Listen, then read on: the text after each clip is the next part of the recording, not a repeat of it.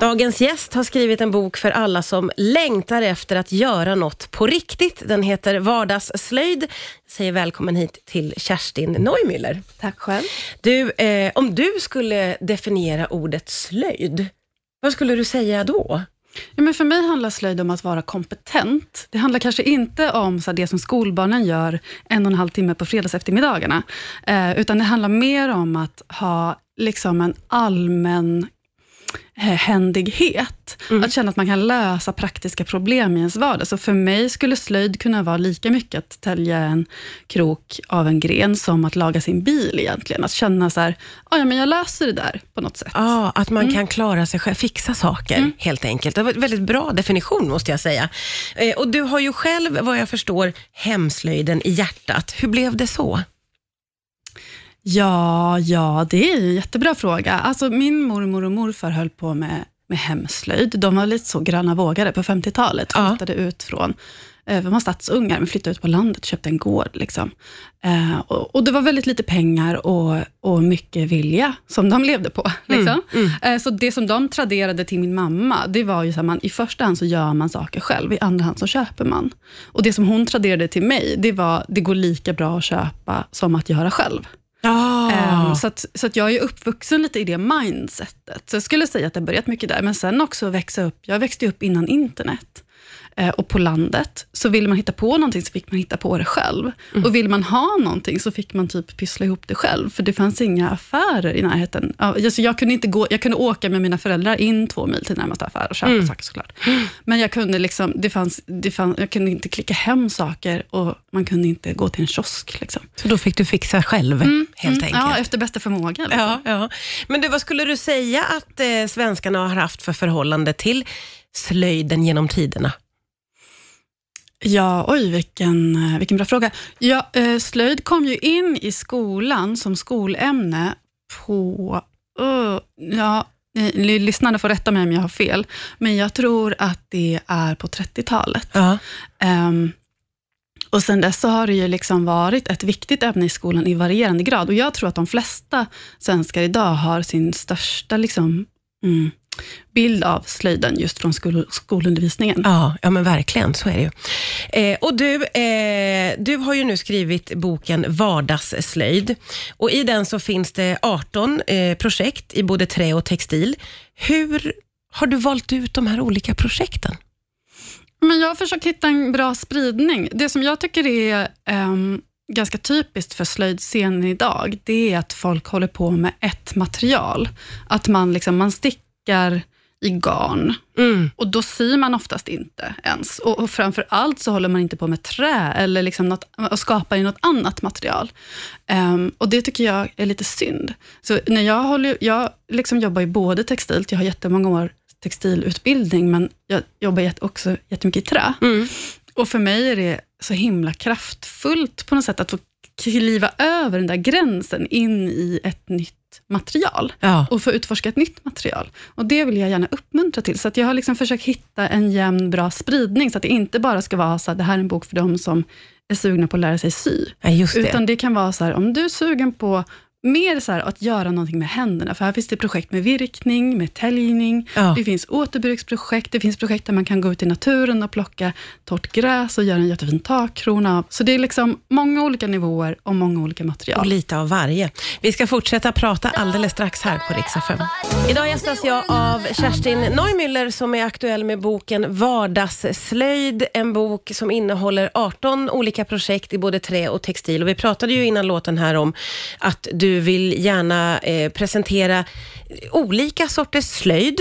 Och eh, det är ju fokuserat på både väldigt eh, handgripliga saker, alltså att eh, lappa sina jeans till exempel, det kan man ju vara väldigt, väldigt hjälpt av. Eh, men det finns också mer eh, liksom lustfyllda grejer som jag uppfattar det som att färga ullgarn med björklöv och sånt. V- hur tänkte du när du liksom valde bland de här? Um, jag tror att jag tänkte mycket på, jag, jag, jag är ju egenföretagare liksom, och jag försöker oftast inte hitta på saker som jag tror att folk vill ha. Jag försöker oftast gå på vad folk frågar mig om. Så att eh, det här med att laga jeans, jag hade en jeansaffär förut och då får man jättemycket frågor om att laga jeans. Så många som frågar mig, kan du laga mina jeans? ah, jag har inte riktigt tid, men jag kan berätta hur du ska göra. Mm. Så jag vet att det finns en stor efterfrågan på den här informationen. Och så är det med växtfärgning också. Jättemånga som är sugna på växtfärgning. Mm. Och då har jag valt att ta ett recept som är ganska liksom, rättframt och inte så krångligt. Mm. Och just med björklöv, det är ju ganska lätt att få tag på. Det är inte jätteobskyrt material. Liksom. Nej, nej. Mm. nej, men som du säger, eh, det här med att det finns en viss efterfrågan efter de här sakerna. Eh, vad var det som hände med oss under pandemin, skulle du säga? Alltså jag tror, jag kan ju bara tala för mig själv. Jag började i Tälje under pandemin, jag hade inte gjort det förut. Och jag hade liksom, det, och, och det här tror jag att det är många som upplever också, att jag hade liksom en vilja och en längtan innan pandemin, men jag hade inte utrymmet i min dag, alltså Mm. i mitt schema eller mitt liv. Men sen när pandemin kom så ändrades ju liksom hela vår, eller för många av oss, så är tiden ändrades. Plötsligt uppstod det fickor av tid som vi inte visste vad vi skulle göra med. Och då fanns den här längtan hos vissa av oss, att åh, jag skulle vilja prova. Liksom. Men också det här att plötsligt så fick man inte gå ut. Folk som är väldigt sociala kanske behövde kanalisera sin energi någon annanstans. Mm. Och då var det nog många som vände sig till hantverket, som kom på att ah, just det, jag kan liksom skapa någonting här istället. Mm. Ja, men, och det har vi ju verkligen sett och det eh, läser man ju om. Jag läste om det här om dagen bara, att eh, just vad gäller att sy, sticka och virka, det hölls någon festival i Göteborgsområdet som inte har varit, det har varit så eh, mycket besökare där på flera år. Alltså det är Ja. mer populärt än någonsin och eh, just det här att det känns som att lite generationer kan mötas i det här. Vad tänker du om det? Ja, men det är jättekul att du säger det, för att jag brukar prata om det, alltså det här med att hålla på med handarbete tillsammans med andra generationer. Och för mig har det varit jättegivande att liksom handarbeta tillsammans med min mamma, som ju också lärde sig handarbeta av sina föräldrar.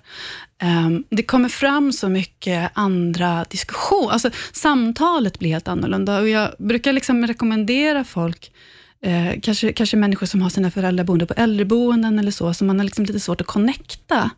Att, att liksom ha, ett handarbete tillsammans är jättefint, för att det kommer upp minnen, det kommer upp helt nya ämnen, Mm. som man liksom aldrig hade lyft om man bara satt och, och drack kaffe mitt emot varandra. Nej, just det. Nej, det händer någonting när man sitter och liksom skapar Ja. mitt emot varandra. Vi pratar vidare om vardagsslöjden alldeles strax på Rix FM. Ja, idag så pratar jag med Kerstin Neumüller som är aktuell med boken Vardagsslöjd. Din inställning Kerstin är att om du tycker att det är bra, så är det bra. Hur har du kommit fram till det?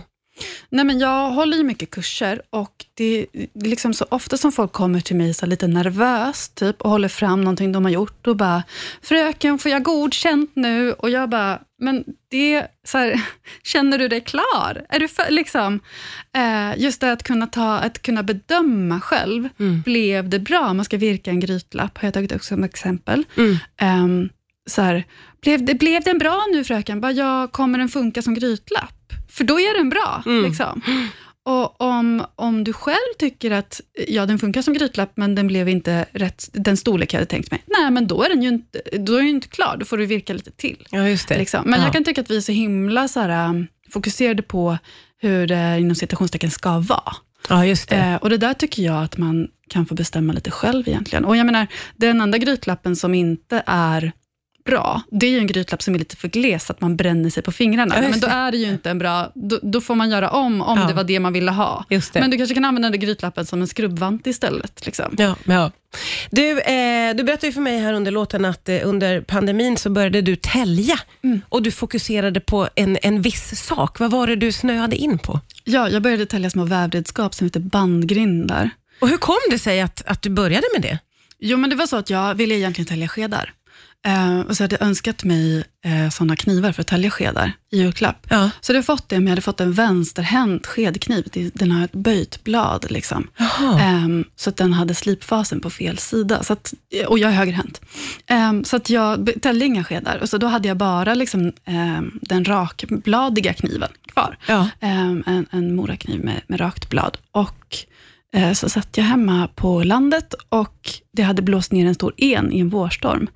Och så hade pappa sågat upp den till ved och så stod jag så här, och så enträd, det luktar så gott. Så jag stod så här och skulle lasta in den här veden i vedboden och så stod jag med den här träbiten och bara, mm, det luktar så gott. Alltså den här, den här skånska personen är en väldigt eh, engagerad slöjdkaraktär i mitt liv. Okej. Ja, det luktar så gott, det här måste man kunna göra någonting med. Ehm, och så började jag bara så uh, tälja lite på den. Typ. Och bara, "Hm, vad kan man göra av den här? Så, en liten pinne, typ. en liten platt pinne. Ehm, och så borrade jag två hål i den och bara, okej, om man kan... mhm. Så täljde jag några skåror i den och så blev det ett litet vävredskap som jag sen kunde väva ett litet, litet band på. Ja, det är ju fantastiskt. Bara det är ju inspirerande. Och eh, vill man få lite hjälp på vägen så heter boken Vardagsslöjd. Tusen tack Kerstin Neumüller för att du kom hit idag.